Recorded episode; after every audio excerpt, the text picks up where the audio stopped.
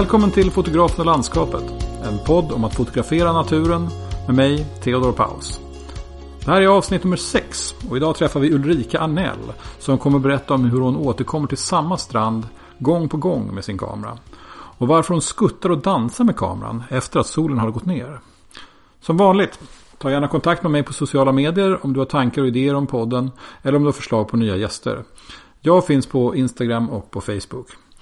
Och gå gärna också med i Facebookgruppen för podden. Där fortsätter samtalet mellan avsnitten. Och du hittar länken till Facebookgruppen i anteckningarna till det här poddavsnittet. Men med det sagt, låt oss inte dröja längre än nödvändigt nu och sätta igång dagens avsnitt. Välkommen Ulrika Arnell till eh, Fotografen och landskapet. Tackar, tackar. Vad trevligt. Ja.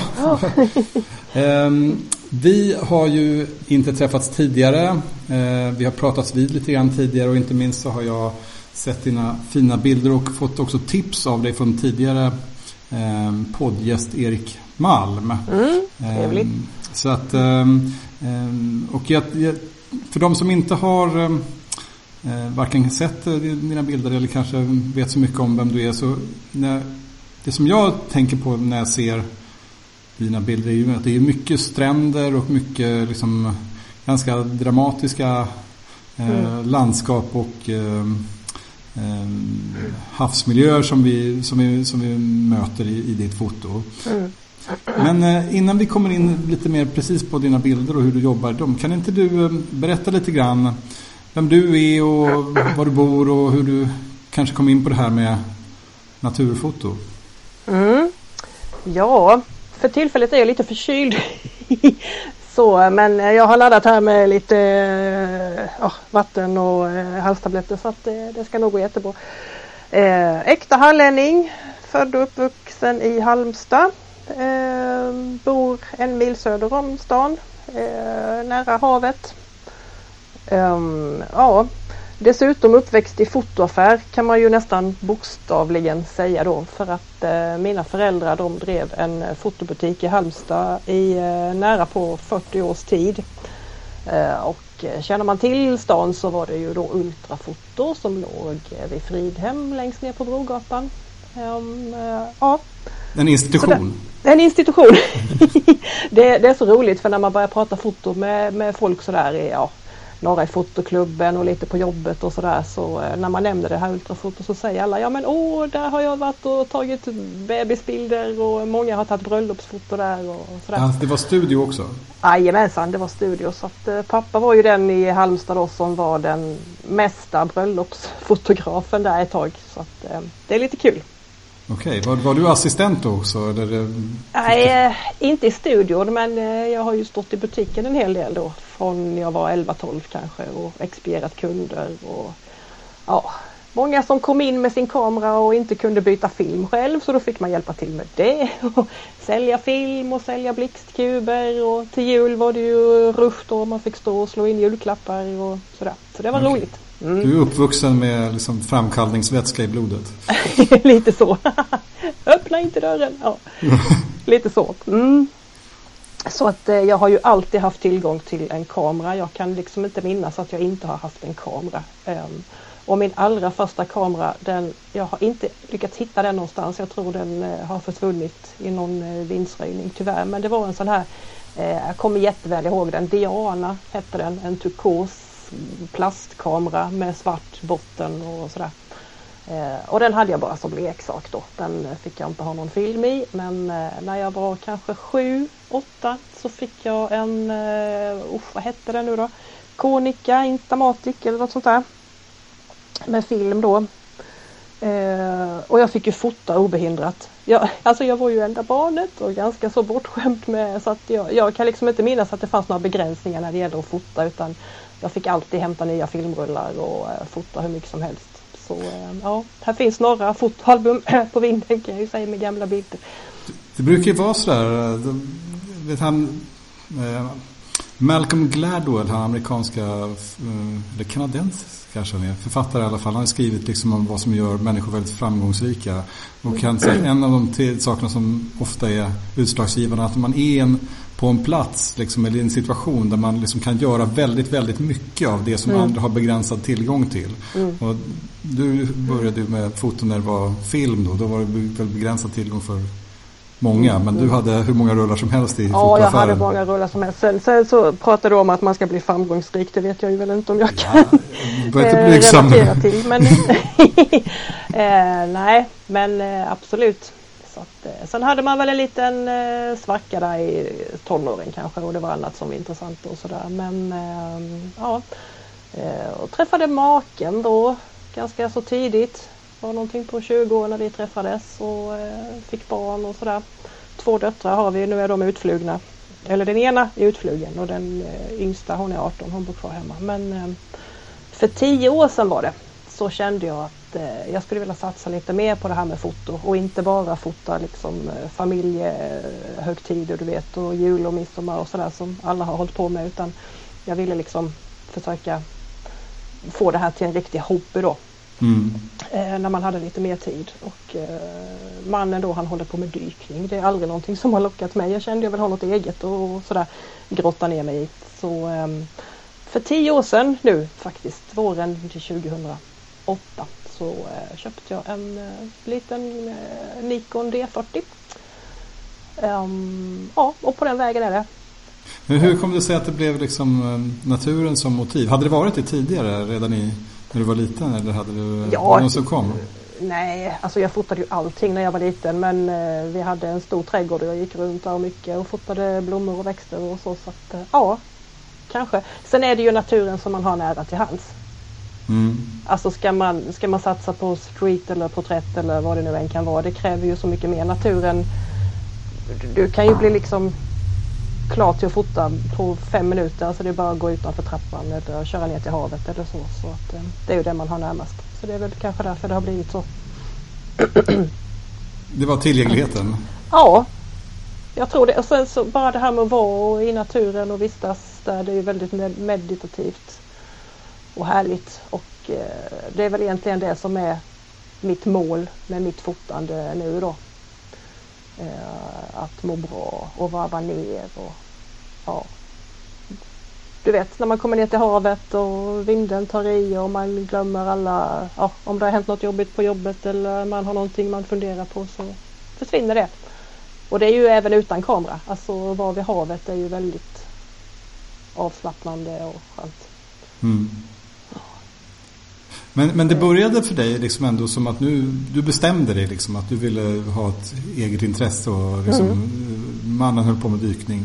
Ja. ja. ja. så var det. Och jag har ju bestämt mig flera gånger tidigare för att jag vill ha ett eget intresse. Jag är ganska bra på att börja på eh, projekt och saker och sådär. Sen eh, håller jag på ett tag och sen så läggs det på hyllan. Så det var väl därför jag köpte den lilla minsta billiga systemkameran jag kunde hitta då. För jag tänkte, du litade inte riktigt på dig själv? Nej, faktiskt Nej, faktiskt inte. Men eh, jag ville ju jättegärna ha det här med fotandet som en lite mer genuin hobby då eftersom det ändå har varit med så länge och ända sedan barndomen och sådär. Så att, eh, jag trodde väl ändå att eh, här har vi någonting. Nu ska vi grotta ner oss i det här riktigt ordentligt. Och så blev det ju. Så att eh, nu är jag inne på kamera nummer tre.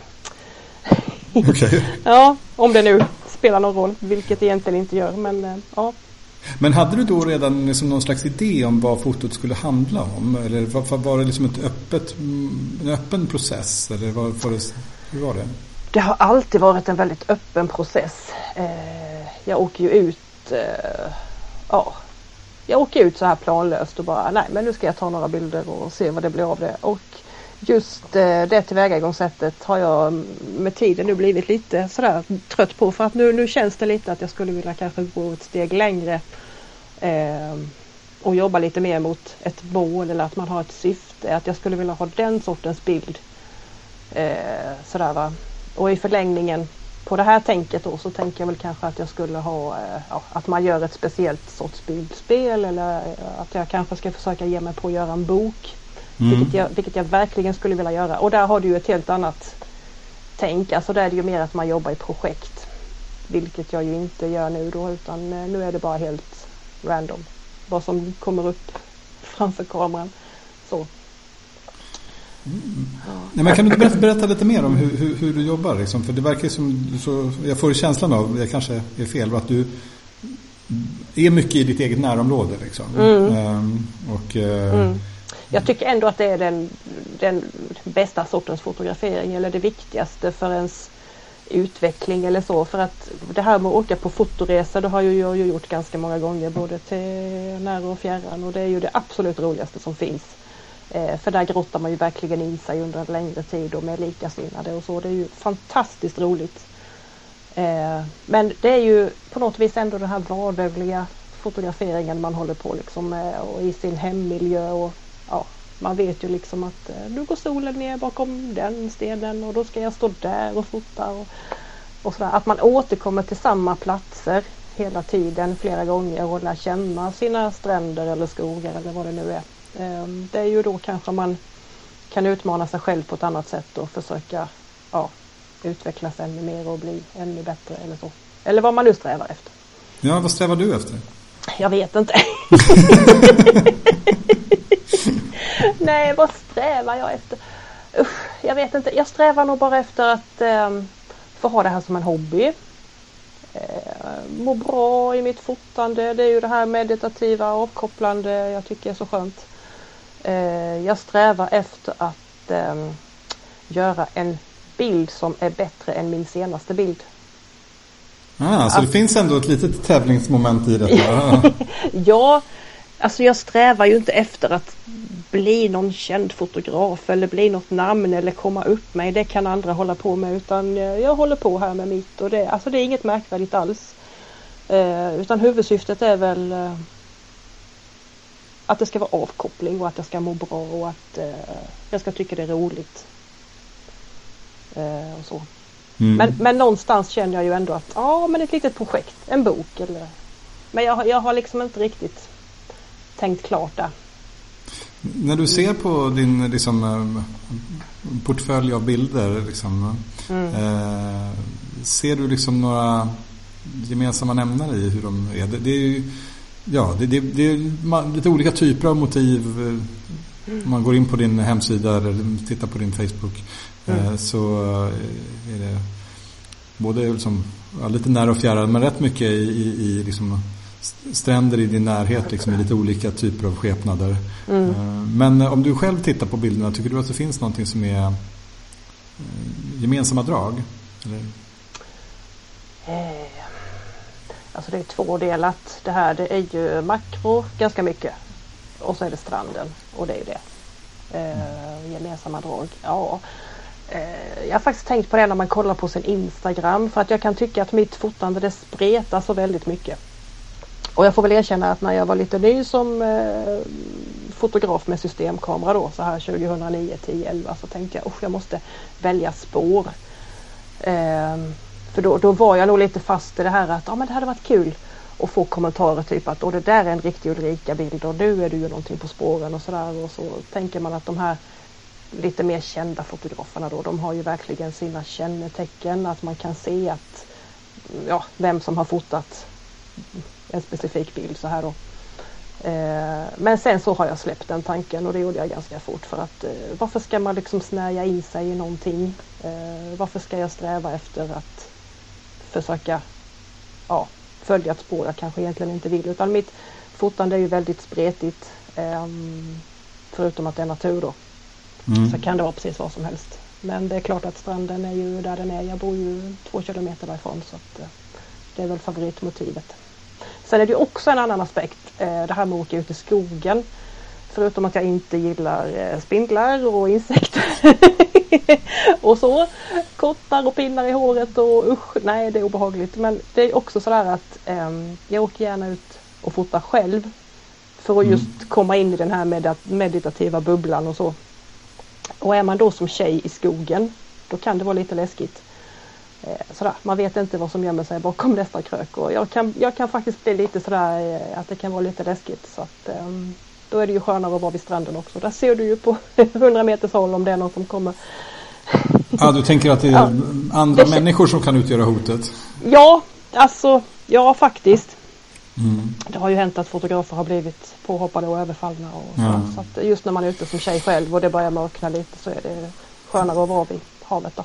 Jag har också faktiskt tänkt rätt mycket på den här säkerhetsaspekten. Mm. Allt mer under det här året. För jag är också jag har fotograferat, ja nu är ett och ett halvt år ungefär i, i, och, då, i, i naturfoto. Då, och då, men jag har aldrig tänkt riktigt på den aspekten. Eh, fakt, men, men däremot på de mera fysiska hoten. Så där. Ofta är man ju ute på konstiga tider på dygnet och mm. liksom står vid någon hal klippa i november. Liksom. Jag, jag, liksom, jag, och solen har gått ner och liksom alla andra har åkt hem och, och jag är själv där. Jag, jag, Ja. Tanken har ju slagit mig, vad händer nu liksom när jag mm. är här liksom, långt ute i det här naturreservatet och liksom halkar mm. på den här mm. klippan, bryter ett ben och hamnar i havet och liksom den här, ja, men I, iPhonen liksom blir, blir blöt och jag kan inte ringa någon. Nej. Ja, snacka om vad vi utsätter oss för va? Det är ju Ja, det är inte liksom, det, är, det, det, det, är ett högt pris som måste betalas ja, ja, ja. för de där bilderna. Ja, broddar är bra. Det får man ha.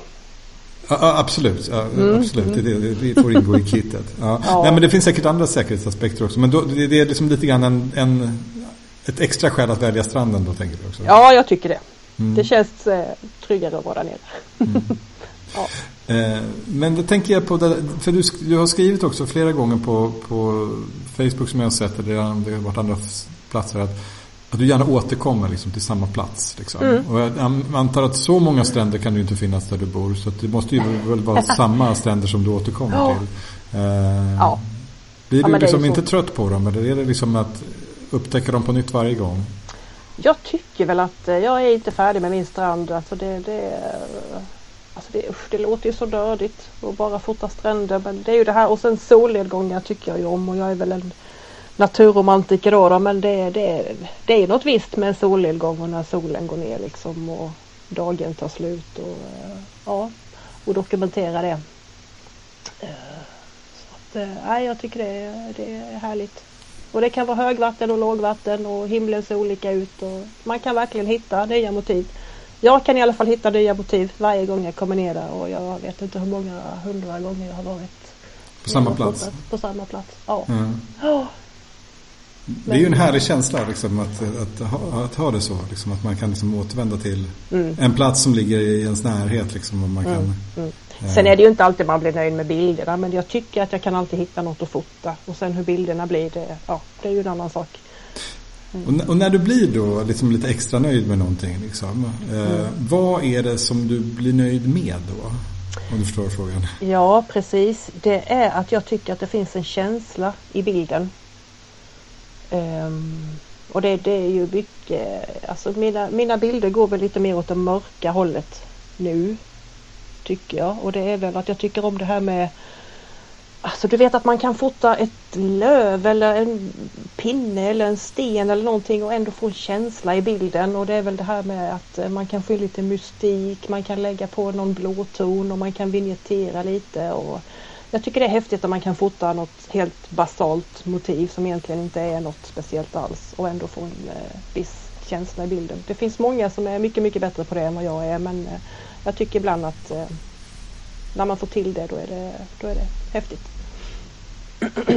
Ett enkelt motiv liksom i en stämning som, mm. som blir något extra. Ja, absolut. Mm. Och det behöver ju inte vara det här med teknik kan man ju prata om hur mycket som helst men eh, man kan ju ha ja, vilken kass kamera som helst och ändå få till eh, en bild som verkligen har en viss känsla i sig och sen så kan det ju finnas då ja, fotografer som är superduper noga med tekniken. Det ska vara skarpt överallt och den ska vara uppbyggd enligt alla konstens regler och det tycker väl jag också är väldigt viktigt det här med komposition. Det är ju en annan diskussion men, mm. men eh, ja, att en bild ska vara helt rätt på alla sätt och vis. Och ändå så kan den bara falla platt i mina ögon då va. Förstår du hur jag menar? Absolut. Ja. Jag, jag, jag gick en kurs en gång på Fotografiska i Stockholm för eh, Göran Segerholm. Mm. Eh, som var fotograf och lärare där. Han, eh, han sa lite stödigt så här att ja, de här människorna som säger att tekniken spelar ingen roll utan det är bara hur man tar bilden som är viktiga. De brukar som regel fotografera med kameror som kostar över 200 000 kronor. Men eh, ja. jag, jag ja. håller med i princip. Ja, ja. Nej men det är klart, det, det, det, det det är hur man använder sin utrustning som är det viktiga. Ja, Absolut. Ja, ja. Men, men du kom in på efterbehandling där också. Liksom, är, tar du liksom bilden huvudsakligen i, i kameran eller hur mycket mm. av bilden tas efteråt? Jag tycker väl att det här med att sitta och eh, greja i Photoshop är väldigt eh, trevligt. Alltså jag, det, det är ju också en del i den här processen att få fram en bra bild. Ehm, jag försöker inte göra så jättemycket. Jag försöker inte att klona något annat än dammfläckar. Ehm, utan det som är i bilden det får vara kvar. Så att så sätt ska den ju vara färdig i kameran. Ehm, men sen så kan man försöka att få till den här stämningen då framför dataskärmen när man sitter och jobbar i Photoshop. Och eh, jag, jag, lägger ju inte timmavis. Alltså, har man ingen bra grundbild att jobba med så eh, brukar jag ju inte bry mig så mycket om att försöka få till någonting som inte finns där från början utan det är väl mest att man eh, sitter och förstärker någon stämning man redan har hittat. Sådär. Mm. Eh, en liten vignettering, ibland så kan man ju lägga på någon liten blå ton sådär. Och, men jag, alltså jag gör ändå inte det jätteofta utan jag är inte så jättebra på Photoshop. Man gör samma alltid. Eh, ja, lite kontrast och lite mättnad och sådär. Mm. Det vanliga. Ja, men det kan säkert se olika ut för hur många gör. Och liksom, det finns ju mycket mm. filosofi i det där. Det finns fundamentalister och liksom, eh, ja. friare själar. Liksom. man får skylla på att man fotar i råd och måste bilden framkallas. Eller hur? Det, ja. Precis, det motiverar det. Mm, mm. nästan vad som helst. Då. Ja. Ehm, men om man går tillbaka till det här, liksom, det som du försöker fånga där. Den här känslan. Liksom, eh, för att någonstans så ser du ju det när du liksom eh, går runt där på stranden och, och mm. försöker Kommer den till dig eller liksom tar du många bilder innan du ser att ah, där var det där som jag var ute efter? Nej, men det, det, är ju det här att eh, Jag kan ju berätta lite. Det börjar ju med att man går här hemma och klurar på om det är lönt att åka ner eller inte och så kikar man ut på himlen och ja, där, jo men det är lite fina moln. Det kan nog eh, bli någonting och så tar man ju fotoryggen och så sticker man ner till stranden. Och, då börjar jag ju då med stativ och gråfilter och tar de här vanliga klassiska bilderna då. Med några stenar i förgrunden och sådär. Och sen eh, så har man ju stenkoll på när solen går ner. Om det är 18 och 12 eller du vet så. Mm. eh, och så precis när solen eh, går ner vid horisonten så ska man ju ha då bländare 22 typ. Mm. Så man får den här snygga strålningen då och så tar man några sådana bilder. Sen börjar det roliga. Eller det som är ännu ah, roligare. När, mm. när, solen har gått ner? När solen har gått ner eh, då kopplar man väck kameran från stativet och sen så kollar man om det är några folk i närheten för då kan man ju verkligen bli eh, idiotförklarad när man står där och då är det sådana här yviga gester du vet. Eh, och, ja, man ska försöka fånga de här vågorna som kommer in då. Ja, men berätta, jag, jag förstår inte riktigt. Nej. Yviga gester. Det är väl det jag, jag till största delen håller på med då. Att man ska parera vågor. Det får ju hända lite på vattenytan då. Det får ju inte vara spegelbild. Ah, då, då, då tar du panoreringsbilder? Ja, då försöker jag ta panoreringsbilder. Eh, och ibland kan det bli lite dubbelexponeringar. Och ibland så kan det bara vara att jag knycker lite på kameran. Och ibland så kan jag snurra ett halvt varv. och okay. så så att eh, man ser ju helt galen ut när man håller på där. Men eh, det är så roligt. Eh, och de bästa bilderna eh, tas ju när det är blåtimmen och det är riktigt så här skumt ute. Eh, och man kan få lite längre slutartider. Så att, ja. Men det är också så här att jag kan, sådana bilder kan man ju inte till 100% planera. Utan jag, jag, kan ju ha en idé då om att eh, det kanske finns ett molnstråk på himlen som går lite så här på snedden och så kan jag tänka att ja, då ska jag försöka få till en våg som kommer in och skummar och följer den här molnkanten. Mm. Eller så. Man kan ju, man kan ju liksom tänka ett sånt här då. Men det är inte alls säkert att det blir så. För det är ju, det är ju alltid så när man fotar rörliga motiv. Du har ju liksom ingen aning om hur slutbilden egentligen kommer att bli. Jag hade ju Erik Malm här i det första avsnittet i, i, i podden och han, han ägnar ju all sin fotografi åt att ta bilder med medveten rörelse och skärpa. Ja. Så att, eh, eh, men du gör det när solen har gått ner. Då liksom, det, det, det låter ju ja. väldigt kul i och för sig så tycker jag. Att du liksom verkar ha en, en metodik som bygger, du tar en viss typ av bilder vid en viss tid och sen så går du vidare till nästa typ av bilder och sen så Ja. har, har, du en tredje typ av bilder som du tar vid ett annat tillfälle. Liksom. Ja, så man är ute ganska länge då. Men eh, ja visst. Sen är det ju också att eh, man ska ta bilder på frihand med lite längre slutartid och det här kan vara allt ifrån en halv sekund och till 5-10 sekunder kanske. Då kan du ju inte ha solen rätt in i kameran för att eh, det funkar inte utan då måste det vara efter solnedgång. Mm. Ja, men, ja, men, Ja. ja, men för det där är kul tycker jag. Liksom, hur, hur, du går, går till en plats liksom, som du känner väl Mm. utan en jättestor tanke om exakt var du ska ta. Men, Mm. men det verkar ändå som det finns en metodik och hur du ska ta, ta bilderna. Ja, och den eh, metodiken var ju inte alls självklar från början. Det är ju lite kul när man tittar tillbaka då eh, i de gamla fotomapparna. Men jag började nog med det här med att panorera vågor ganska tidigt. Eh, jag hade väl sett någon sån bild någonstans och tänkte att "Ja, men det där var ju häftigt, det måste jag testa själv. Och sen så blev man ju helt såld på det här. Det är jättekul. Mm. Åh vad det låter nördigt. Det här är världens Men- nördigaste podd. Alltså, Ja. det är alla som pratar här är nörd, alla som lyssnar också. Så Ja, vad att, skönt. eh, känn Vad dig hemma. ja, i gott sällskap. Härligt. Men eh, jag, jag spelade upp ett tidigare avsnitt för min son här eh, som, som är tio år gammal och han sa att det, här, det lät ju jättetråkigt att bara prata om sig själva och sina bilder. Ja, men okej. Ja. Eh, det, det, de, som tycker, de som är intresserade får lyssna. Ja, precis. Men, eh, Det är eh, som på Facebook, gillar du inte det så scrolla vidare. Nej, Ja. precis. Ja. Mm. Eh, Okej. Nej, men berätta, hur kom du in på den typen av, av, av metod? Då? Liksom, utvecklades det naturligt? in? Ja. ja, men det var väl den här bilden som jag såg som var något liknande med en våg som var skarp och havet och himlen var suddiga. Jag tänkte, oh shit vad häftigt. Det måste jag försöka prova. Och eh, ja, jag tror väl att på den vägen är det. Ja, det ja. Och sen alla sådana här metoder man eh, håller på med, de kan man ju förfina Mm. in i minsta detalj. Men eh, ja, sen finns det ju ingen optimal inställning eller optimal slutartid eller så för att det blåser olika mycket och det är olika ljust och ja, det är olika förutsättningar. Så det, Ja, vilka förutsättningar gillar du bäst? Liksom? eh, det ska vara lite fart på havet, lite vågor. Eh, inte blåsa så mycket så det skum, s- s- skummar utan ja, bra vågor och eh, lite moln på himlen så man får lite och, och vad heter det? Ja, och komponera med. Ja. Och lite stenar i förgrunden och sådär. Mm, det, det låter som ganska klassiska motiv. Liksom. Ja, men det ser- är ser- det. Ja. Det är absolut inget märkvärdigt utan det är klassiska bilder. Och det, usch, jag vet så många fotografer som bara kräker på solnedgångsbilder och det går ju 13 på dussinet. Det är ju det. Det är verkligen ett klassiskt motiv men eh, ja, jag tycker om det. Så jag kör på det. Jo, jo, men det, Mm. det, alltså, det, det, jag tycker att... Jag tycker också det där som du var inne på tidigare. Att det är liksom ganska få gånger som man hittar ett väldigt unikt motiv och det blir en jättebra bild för att man tog en bild på någonting som var väldigt annorlunda.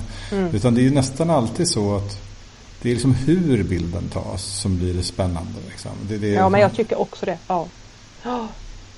Jag kommer ihåg, det var inte en landskapsfotograf, jag kommer inte ihåg, nu blir det fånigt för jag inte kommer ihåg vad han hette, men det var en annan fotograf som jag tittat mycket på förr. Han, han tog alltid bilder på väldigt tråkiga saker.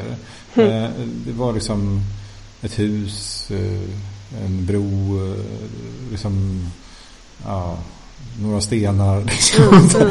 Men han gjorde det på ett väldigt, varje bild var liksom tagen på ett sätt det kändes liksom extra spännande. Jag kunde liksom då inte riktigt sätta fingret på vad det var. Det här var när jag liksom var ganska ny med foto. Eh, och jag kommer som sagt inte ihåg vad han heter heller. Men ehm, eh, det där är ju alltid väldigt spännande. Man lyckas hitta något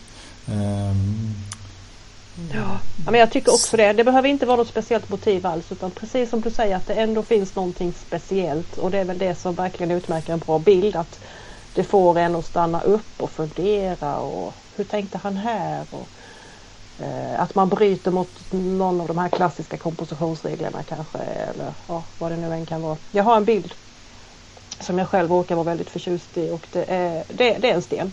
Och det är Mm. det. Ehm, ja, Det är en det här- sten.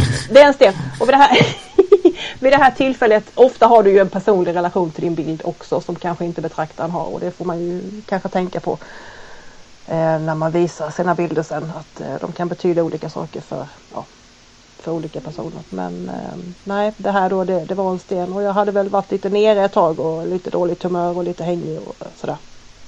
Allmänt låg och eh, jag har ofta också ett eh, soundtrack, att man har en låt med sig. Att man har en melodi som eh, har varit med ett tag. Sådär. Ah, du har, du har musik i hörlurar? Ja, jajamän. Nej, jag har inte musik så utan jag har, eh, jag har musik eh, inombords.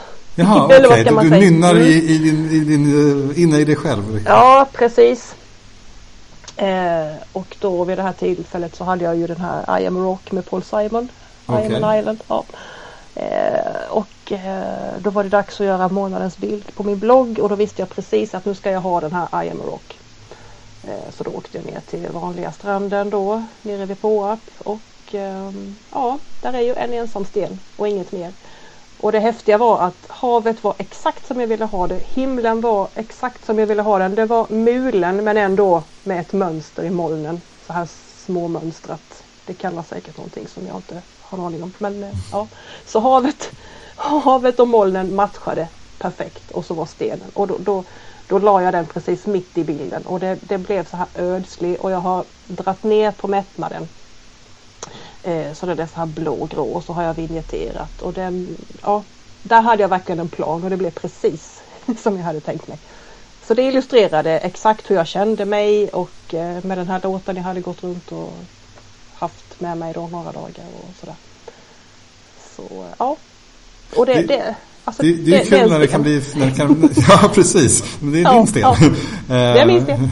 Men det, det är ju kul när man kan ha eh, hitta motivationen att, att, att, att ta bilder. Att jag mm. tänker att för vissa så kanske det kommer naturligt och liksom man bara fortsätter. Men mm. eh, jag tror att det verkar ju som många människor som håller på med det också har ett behov av att liksom göra det inom en form som gör att man fortsätter. Liksom, som mm. jag som hade mitt landskapsårsprojekt ja, under exakt. ett års tid. Mm. Liksom, som det, det, blev det som på något sätt, det var ju roligt att komma ut men det var också någonting som var särskilt motiverande att liksom, man behövde göra det här. Mm. Och du nämnde här att du hade en var det månadens bild? Månadens bild, ja, ja precis. Det, det, låter som det har varit också ett sätt liksom, att strukturera ditt foto. Att det inte bara är att du lite slumpmässigt mm. går ut. Men att du har någonting som du det är ju ett sätt att hålla igång ens fotande för hur det än är och hur bra jag än mår av att fota så kan det ju vara motigt många gånger och kameran kan ju ligga på hyllan i några veckor ibland utan att eh, man åker ut.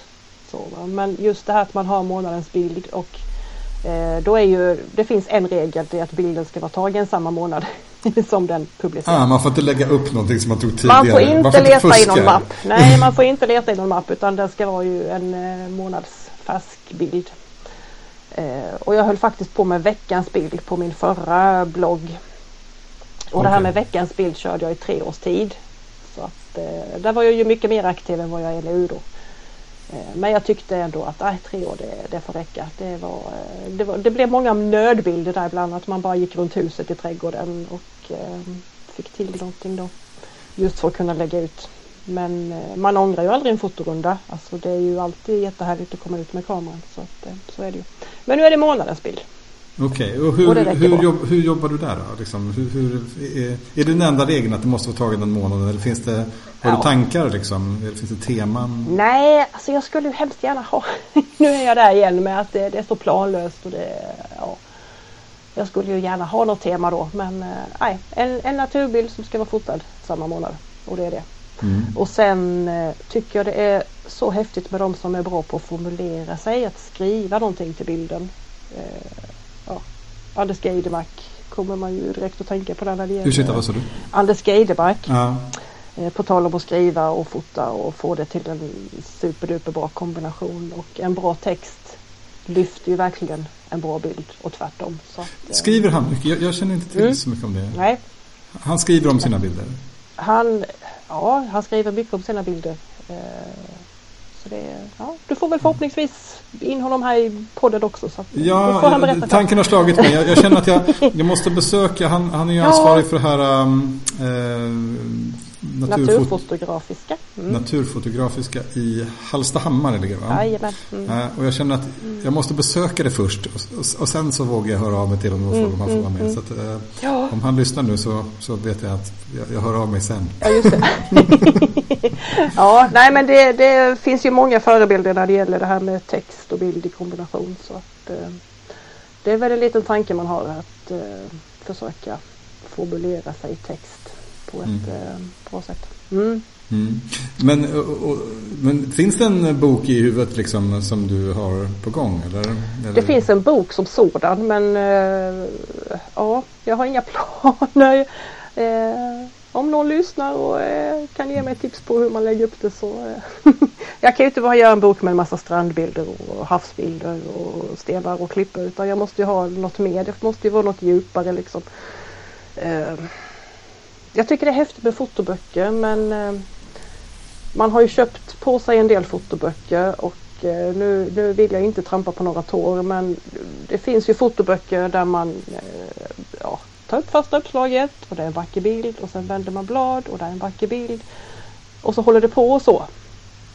Mm. Och, och ska jag då kanske göra en fotobok, då låter det här jätteambitiöst. Och jag, men, men eh, jag vill ju liksom ha någon mening med det då. Att det ska finnas någon typ av historia. Och inte Mm. bara en radda fina havsbilder utan det måste vara något mer. Annars tycker jag det blir ointressant. Men det låter som du har en tanke. Vågar, Ja, vill ja, du bjuda jo. på den? Nej, jag har ingen Nej, usch jag har ingen tanke. Eh, jag, jag, eh, ja, jag har nog inte riktigt fått grotta in mig i det här med bok ännu riktigt så här. Jag skulle då behöva åka bort och vara tjänstledig ett halvår och verkligen, eh, ja. Nej, jag vet inte. Ja, men det, det låter som det kan vara en plan också. Ja, det kan absolut vara en plan. Ja. Jag gick ju en kurs i Mullsjö i somras för Anders då. Ja. Eh, Och den gick ut på att vi skulle faktiskt producera en fotobok på en vecka. Och det låter ju helt galet men alla gjorde så kanonfina böcker. Vi hade en redovisning då näst sista dagen och eh, det var så vi bara baxnade liksom. Vad man verkligen kan åstadkomma. Men då var vi ju just i den här fotobubblan hela veckan. Du vet och du kunde lägga alla dygnet 24 timmar sex dagar i rad på bara det här. Eh, det blir ju så när man verkligen är mitt i någonting och är helt uppfylld av någonting. Då kan du ju få jättebra resultat. Alltså, du vet inte hur peppande det är att höra dig säga det här. För att jag, jag åker här i övermorgon. Så åker jag till Skottland och kommer vara borta en vecka. Ah. Så att, eh, jag, roligt. jag, jag ska snart försätta mig i den där bubblan själv. Åh gud vad kul! Åh vad kul! Ja. Ja, Eh, Men, men då fick ni en uppgift alltså att eh, Mm. producera en varsin bok, eller hur? Det var en Det serie bilder alltså? Mm. ja, eh, ja, det här var ju naturfotosteg 3 hette det nu då. Och då Mm. skulle man ju ha gått steg 1 och 2 tidigare och sen så var det ju en påbyggnadskurs på allt annat då som eh, vi har kört. Eh, ja, och så hade Anders fått till ett avtal med en fotoboksleverantör så att vi fick en liten rabattkod där då. Eh, ja, och det var det. Och vi fick göra varsin bok och förslagsvis ett kapitel per ställe vi besökte då. Så, att, eh, Så, så du har alltså redan gjort boken? Ja, ska- ja. Ja, ja men det, det, det är ju inte mina motiv. Det här var ju Mullsjöskogen. Mhm. Så ja, men eh, det var ett litet smakprov. Mm. Och, eh, Men då är ja. du, för det där är en annan bit som kanske kan, kan vara lite spännande att prata om, liksom det här äh, fotos som en social upplevelse. Liksom. Mm. I den, man, den, till vardags verkar det då som du, eh, lite grann som jag, liksom är ensam i ditt foto. Liksom. Man åker till någon plats, hoppas Mm. att ingen tittar på en och så tar man sina bilder. Liksom. Ja. Eh, men i, på en sån där resa, som, och det låter ju som du har varit på flera resor tidigare också, att eh, då Mm. blir det ju en social grej. Man träffar andra, man, man Mm, liksom mm. ser andras tolkningar av samma plats. Mm. Eh, är Det, ja, det blir lite så. Det blir lite olika typer av fotande. För att när man går ut själv så är det ju då att man kan vara ute hur länge som helst och ja, du vet så. Men åker man på en fotoresa, det har ju du också gjort och säkert Mm. många som lyssnar då. Alltså det, det, det här sociala är ju minst lika viktigt. Eh, och jag, jag kan nog känna att jag kan ha lite svårt att fotografera när jag är i en grupp. Jag går gärna utanför lite, att man går en liten runda för sig själv och går och klurar lite sådär. Men eh, därmed inte sagt att jag inte vill umgås med folk när jag är ute och fotar. Det gör jag ju faktiskt ofta hemma också. Att man ringer någon eller man messar någon eller sådär. Ska vi ses där och där och så. Ja, ja så det är så ändå? Att, ibland så gör du Ja, det ja. tillsammans med andra? Ja. Ja det händer. Men Mm. för det allra mesta åker jag ut själv. Men eh, visst, ska jag åka till skogen så vill jag nog gärna ha en kompis med mig. också. Ah, ja, okej. ja. Eh. Men eh, nej, så en fotoresa är ju jätte, jätteroligt. Eh, just det här att man umgås med likasinnade och så. Men sen själva fotograferandet i sig som sagt kan ju, eh, ja det blir lite olika typer av fotografering. Men eh, det, det ena är ju inte bättre eller sämre än det andra kanske utan det, det är ju lite olika sorter. Mm. Men eh, ja, När du ser på liksom andra människors bilder och kan man säga, titta på hur naturfoto i Sverige är. Liksom. Eh, har du några tankar kring det? Som, tycker du att det är, är det någon typ av bilder som du saknar eller tycker det är dåliga eller särskilt bra? Jag vet inte. Åh, vad ska jag säga du? Det här var lite svårt att svara på. Men eh, jag tycker väl naturfoto i Sverige. Mm, för jag tycker de här amerikanska trenderna, man kollar på de här eh, one.com eller vad de heter, de här sidorna. Det ska vara jättemättat och det ska vara mäktiga vyer och eh, så. Det, nej, det blir lite tråkigt.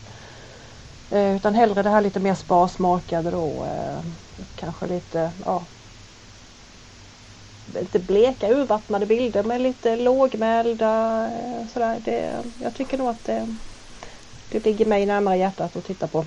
Det är ett svenskt temperament. ja, men lite visst. gråare. Ja, lite gråare och lite regnigt och eländigt. Nej, men alltså, nej, jag vet inte. Svår fråga. Ja, nej, men, alltså, ja, det var ju... Jag caught you off guard där. Men, Ja, ja. att Patrik Larsson är ju mästare på det här med lågmälda bilder och ändå med mycket känsla i liksom. Och ja. komponerade tipptopp 10 poäng på varje bild. Alltså han är ju verkligen Ja. Ehm, Patrik är alltså då fotograf som verkar från Göteborg. Mm. Eh, som han och jag har eh, haft ganska mycket med varandra att göra. Han har liksom varit lite grann mentor för mig under det året. Som, ja, det är inte omöjligt att han kommer dyka upp i något poddavsnitt här lite längre Mm, fram mm. också. Ja. Det ser man ju fram emot. Mm. Nej men det, precis det här lite gråvädersfotot också. Där, Mm. Hade, eh, Hans Strand var ju med i ett tidigare avsnitt också. Han, han gjorde ju en poäng av att det bästa ljuset inte sker i soluppgång eller solnedgång. Aha. Han uttryckte sig ganska kaxigt där. Så, ja, det är Ja, liksom mm. något orange sidljus som, som folk vill ha. Det är mycket bättre Ja. med, med gråväder och liksom, bara det finns lite riktning i det. Ja, så, ja. Men det håller jag med om. Absolut. Precis, men solnedgång är också bra.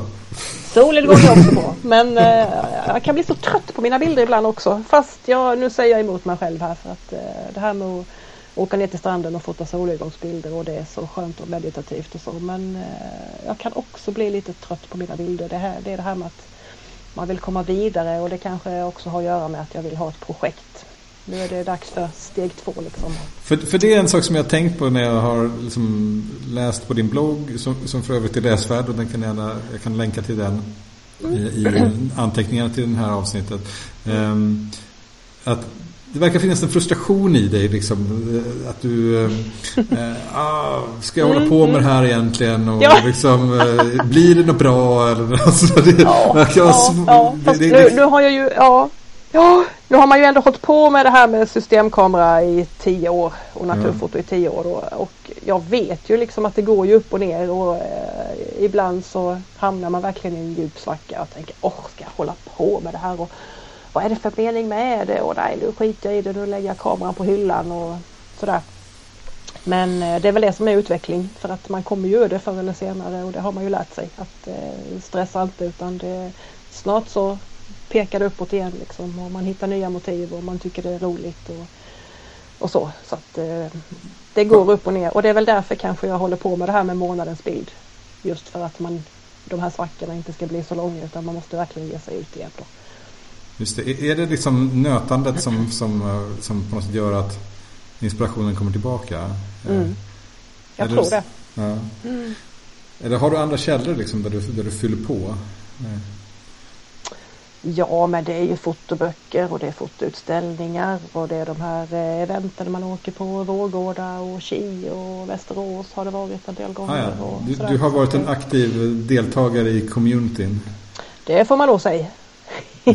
och det är roligt och, det är, och mycket fotoresor och de här Mullsjökurserna. Och, eh, det är ju också en del i det här med att hålla på med naturfoto att man lär känna så mycket härligt folk Mm. Det, det, är ju så kul. Man blir som en stor familj och så åker man ju till Vårgårda och så träffas man där varje höst och eh, nej, det är kul. Mm. Det är jätteroligt. Jag, jag kommer tyvärr inte kunna vara där. Jag har aldrig varit där och eh, hade mm. förhoppningen att åka vara där nu men det blir inte så.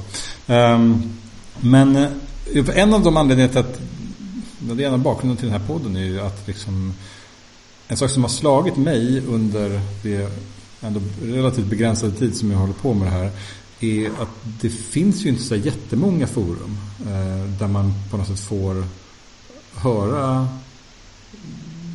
landskaps och naturfotografer berätta om, om, om sitt arbete. Liksom. Det, man, man, måste nästan åka till, mm. till de här fåtalsfestivalerna som finns någon gång om mm, året. Liksom. Mm, mm. eh, men det är ganska få tillfällen som finns att höra Ja, fast nu tycker jag väl ändå att det poppar upp ganska många nya det kanske är så. Det är jag ja. som är dålig på min omvärldsspaning här. Ja, det får du nog ta och kolla va, upp lite närmare. Vad va, va, hittar du dina?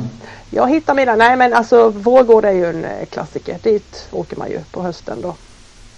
Så det är ju snart dags här nu om, eh, vad blir det, tre veckor? Någonting, mm. två, tre veckor.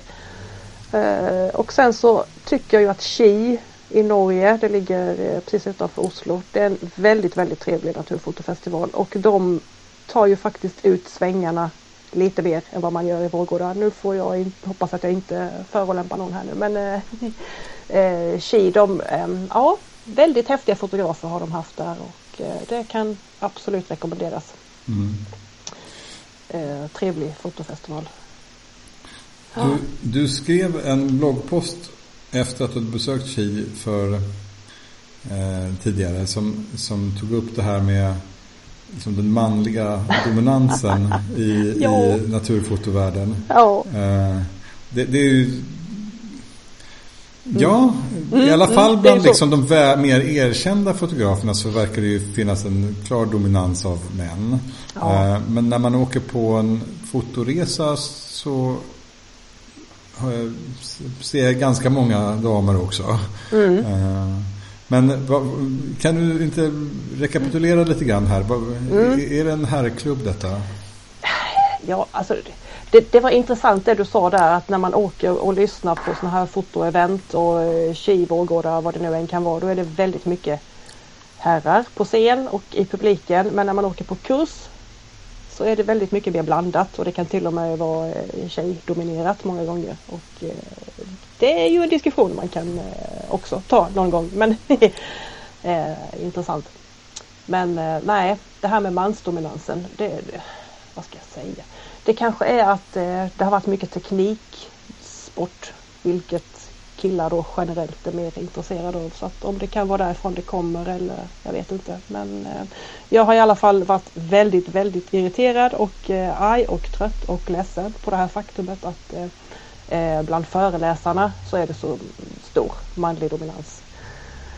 Eh, och jag får väl erkänna att jag har suttit med arrangörer och eh, inte skällt på dem men ifrågasatt väldigt starkt det här då att varför ger ni inte fler tjejer chansen? Och eh, hur tror ni att tjejer ska kunna bli mer intresserade av det här natur, med naturfoton när man liksom inte får se fler tjejer på scen som visar bilder? Och, eh, ja, och när det gäller fototidningar så är det ju samma sak där. Och det har hänt att jag har fått en naturfototidning i brevlådan och så ha, sätter man sig och kollar igenom då. Nu ska vi se hur många tjejer som är med. Nej, det var inte någon. Nej, jag orkar inte läsa den. Jag bara slänger iväg den. Eh, men eh, jag får be om ursäkt nu. jag tar den här chansen att be om ursäkt till alla arrangörer och så. För jag vet hur mycket de sliter med att få tjejer på scen också. Det är liksom... Eh, det låter lite mer som att det är de som ska be om ursäkt. ja, men ja, jo faktiskt. De får väl eh, lägga på ett kol extra då, då för att få fler tjejer på scen. Jag vet inte men eh, nej. Men, men för att backa tillbaka lite. Om man åker på till, till Vårgårda säger det så publiken ser ju faktiskt ut likadant som det gör på scen. Så Det, är det så? Det avspeglas ju. Ja men det är ju, det är ju mansdominans. Vad kan det vara 80% gubbar mm. och 20 kvinnliga deltagare. Det är ju så tyvärr. Så att, eh, om det är tio föreläsare och två tjejer så är det väl egentligen bra då. då. Men för att peppa tjejer lite mer och eh, så, så borde man väl kanske försöka sträva efter 50-50. Eh, och det är väl inte sagt att de inte gör det de här arrangörerna utan det hoppas jag väl verkligen. Så att, eh, diskussionen ska väl istället kanske ligga på hur man får fler tjejer till att våga ställa sig på scen. För det finns, det finns kvinnliga fotografer som håller måttet. Jag kan räkna upp hur många som helst som verkligen skulle kunna stå på scen. Ja, du är ju absolut en själv så att um, när ja, får vi tack, se dig men... på en scen?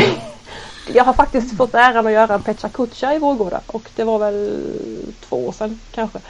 Och det roliga var ju att när jag fick den här frågan om att eh, göra en Pecha Kucha, eller 20 gånger 20 kallar de ju det för.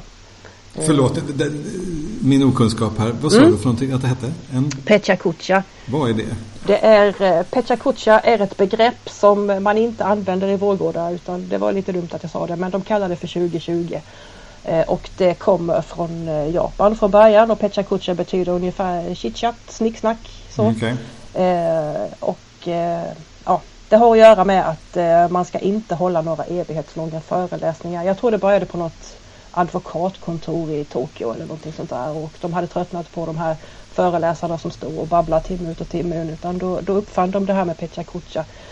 och grejen med det är att varje bild visas i 20 sekunder och sen så växlar det bild och det ska vara 20 bilder. Aha, så 20 gånger 20. 20. Mm, mm. Okay. Precis och det från början då Pecha Kucha det behövde ju inte bara vara naturbilder såklart utan det kunde handla om precis vad som helst. Eh, så att, men i Vårgårda så är det ju då givetvis naturbilder, 20 bilder på 20 sekunder och en sån presentation fick jag göra och jag kände ju när jag fick den här frågan då om eh, att vara med eh, eftersom jag då hade varit på arrangörerna en del innan så kunde jag ju liksom inte tacka nej då. Upp till bevis. Upp till bevis.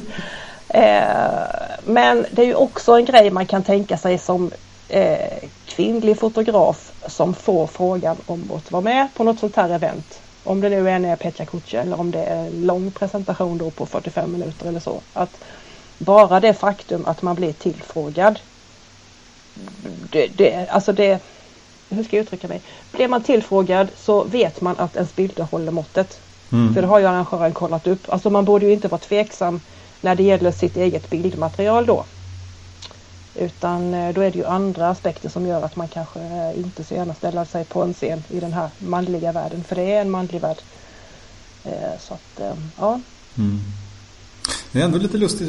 Jag, jag vet inte om jag har en um, representativ bild av det. Men när jag har varit på fotoresor så har det ju varit ganska blandat. Alltså.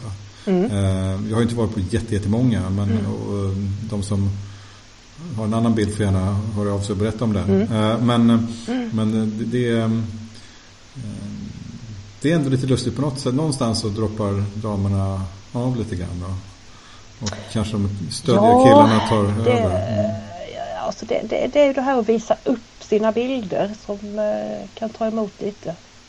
Och det var någon arrangör som sa att eh, det, det kommer mail och mm, ja, manliga fotografer då förstås som hör av sig och eh, hallå behöver ni föreläsare? Jag ställer gärna upp och ring när som helst jag kan komma där, där. men aldrig att en kvinna skulle göra något sånt. Ah, ja. Okay. Mm. Mm. Ja, ja. Eh, ja, nej men så kan, eh, kan det vara. Vi får hoppas att det där eh, eh kan få lite ändring över tid. För mm. egen del så tycker jag inte det känns helt hopplöst att få tag på en ganska blandad till den här Nej, podden i alla absolut. fall. Så att, Nej, precis. Jag, Sen vill jag också tillägga när det gäller det här med att uh, få upp fler kvinnor på scen. Att, uh, det får ju inte bli så att man kvoterar eller att man måste hårdra det så att det ska vara 50-50 eller så. Utan det är ju trots allt så att det är bildmaterialet som är det viktiga. En bra bild är ju liksom en bra bild oavsett vem som har hållit i kameran. Och det är mm. det som måste få styra. Mm. Um, har din uppfattning om vad som är en bra bild eh, förändrats över tid tycker du? Mm, det där är nog någonting som pågår ständigt. Det, det, här med att en bild måste ha en känsla i sig det blir mer och mer viktigt tycker jag ju längre man håller på. Um, och det är just det där som jag har varit inne på tidigare att uh, Det kan vara väldigt banalt motiv men ändå en uh, stark känsla i bilden. Mm. Eh, men om det förändrar sig, ja. Det känns i alla fall som att det blir mer och mer viktigt. Att, att den aspekten blir Ja. viktigare? Ja. Ja, Mm. Mindre fokus på det tekniska? och- Eller är det så jag ska tolka det? eh, ja, fast man måste ju behärska tekniken. Man Ja. måste ju kunna sin kamera och behärska tekniken men eh, det behöver ju inte vara knivskarpt. Snarare tvärtom. Särskilt Om man inte- frågar mig. Nej, Särskilt ja. inte efter solnedgången då? Nej, typ. Ja, precis. Du, vi börjar närma oss slutet här. Jag tänkte några Mm. frågor till. Eh, Och en är, eh, vilka är dina bästa tips till andra som vill syssla med naturfoto? Eh, fota så mycket det bara går. Fota så mycket som möjligt. Eh, titta på mycket bilder, kolla fotoböcker, gå på utställningar. Eh, titta på bilder som inte kanske bara avspeglar det man håller på med själv utan eh, alla sorters bilder. Eh, kolla upp hur komposition funkar. Eh, kompositionsregler. Eh, hur ljuset spelar in i bilden, att det finns ett speciellt sorts ljus och sen vilken sorts man gillar om det är om det nu är det här gyllene kvällsljuset eller om det ska vara lite nudet eller så. Men eh, ja, kolla vad ljuset gör för kameran och hur olika ljuset faller beroende på hur man vinklar. Och, um, umgås med andra fotografer, åk på kurser, eh, fotoresor, grotta in er, lyssna på musik. ja, det finns mycket. All sorts kultur är bra. Och ha någon form av liksom, eh, sätt att fortsätta motivera det också. Du hade månadens Mm, bild. mm, mm. Eh, verkar ju vara något som har funkat för dig i alla fall. Ja. Ja. Tycker jag. Mm. Du, eh, avslutningsvis här. Eh, har du några tips på andra fotografer som du tycker bör bjudas in och få lägga ut texten i den här podden framöver? Ja, får jag räkna upp en 25 stycken eller hur många? Ja, men ta, ta en handfull. Jag tar en handfull. Nej, men vi har ju redan nämnt Anders Geidemark och eh, han har ju en förmåga att få till den här känslan i varenda en bild som jag har pratat om då. Som jag tycker är så viktigt. Och eh, dessutom är han en väldigt underhållande och eh, trevlig person att lyssna på. Så jag skulle verkligen eh, tycka det vore kul om han ville ställa upp.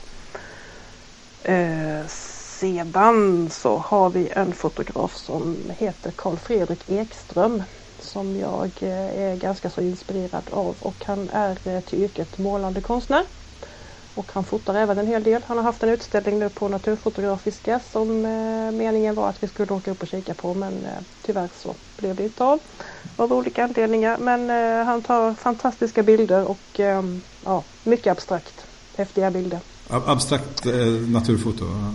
Abstrakt naturfoto ja. Mm. Jajamän. Eh, sen så tycker jag väl även att eh, Mats Andersson är en alldeles speciell fotograf med de här svartvita, mörka, murriga, eh, känslofyllda bilderna. Eh, fantastiskt duktig och eh, trevlig att lyssna på, underhållande, kan verkligen berätta om sina bilder på ett roligt sätt, trevligt sätt. Nu är det tre Eh. killar så nu behövs det Ja. tjejer också. Nu kommer vi till tjejerna. Det här med som jag har beskrivit att man kan fota eh, ett visst löv och det ändå blir en sån här riktig pangbild som man bara tänker att oh, oj, och vilket ljus och helt makalöst snyggt. Eh, en tjej som klarar det här alldeles galant det är eh, Elisabeth Englin. Eh, väldigt god vän och eh, superduper duktig fotograf. Mm, ja. Och sen så har vi en tjej som heter Marie Kantermo. Som jag tycker också tar eh, lite speciella bilder. Oväntade kompositioner, roliga vinklar, lite fisheye. Eh, ja. Har varit ute och fotat lite med henne och det är mycket sådär fota underifrån. Och ja, häftiga bilder. Lite svartvitt och eh, mycket abstrakt. Och, eh, hon är hon är också väldigt bra på bilddiskussioner och bildkompositioner. Hon har hållit i mycket, ja, hon har föreläst och just det här med att diskutera bilder och varför en bild är en bra bild och sådär. Det är hon eh, jätteduktig på. Så att, eh, det skulle vara kul att höra någon av dessa. Men det låter ju som utmärkta namn allihop tycker jag. Jag ska kolla Mm. upp dem. De, har- de, har- några av dem känner jag till, vissa får jag kolla upp lite närmare. Ehm, Du, med det så får vi börja runda av här. Eh, Stort tack för att du var med i den här podden. Och, Stort tack för att jag fick vara med. Ja, och Trevligt. eh, vi får kolla upp dina bilder. Jag lämnar eh, länkar i eh, anteckningar till din eh, hemsida och andra platser där man kan se ditt eh, fotografi. Mm. Tack för att du var med. Tusen tack.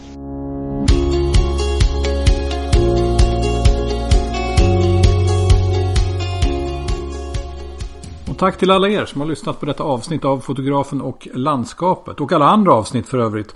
Som ni kanske har lyssnat på eller som ni kanske har kvar att lyssna på. Det är verkligen jättekul att så många har hittat till den här podden. Och jag ska göra mitt bästa för att lägga ut så bra avsnitt som möjligt i framtiden. Och ni som får som sagt gärna höra av er och tipsa om andra som bör vara gäster. Eller om det finns andra tips på hur podden kan bli bättre framöver. Om ni gillar den här avsnittet, den här podden, så får, glöm inte att trycka prenumerera i er poddspelare så missar ni inga avsnitt. Och eh, jag hoppas att alla som fotograferar kan hitta en sån där plats som Ulrika har hittat i sin strand. En plats att återkomma till gång på gång och känna sig lika inspirerad och pepp varje gång. Jag ska i alla fall försöka leta reda på sådana platser för min egen del. Jag har väl mina små hemliga ställen men inte riktigt en sån plats som jag kan återvända till på det där sättet. Kanske blir det så i framtiden. Ja, det är det denna gång med fotografen och landskapet. Vi ses snart igen och eh, tack för denna gång.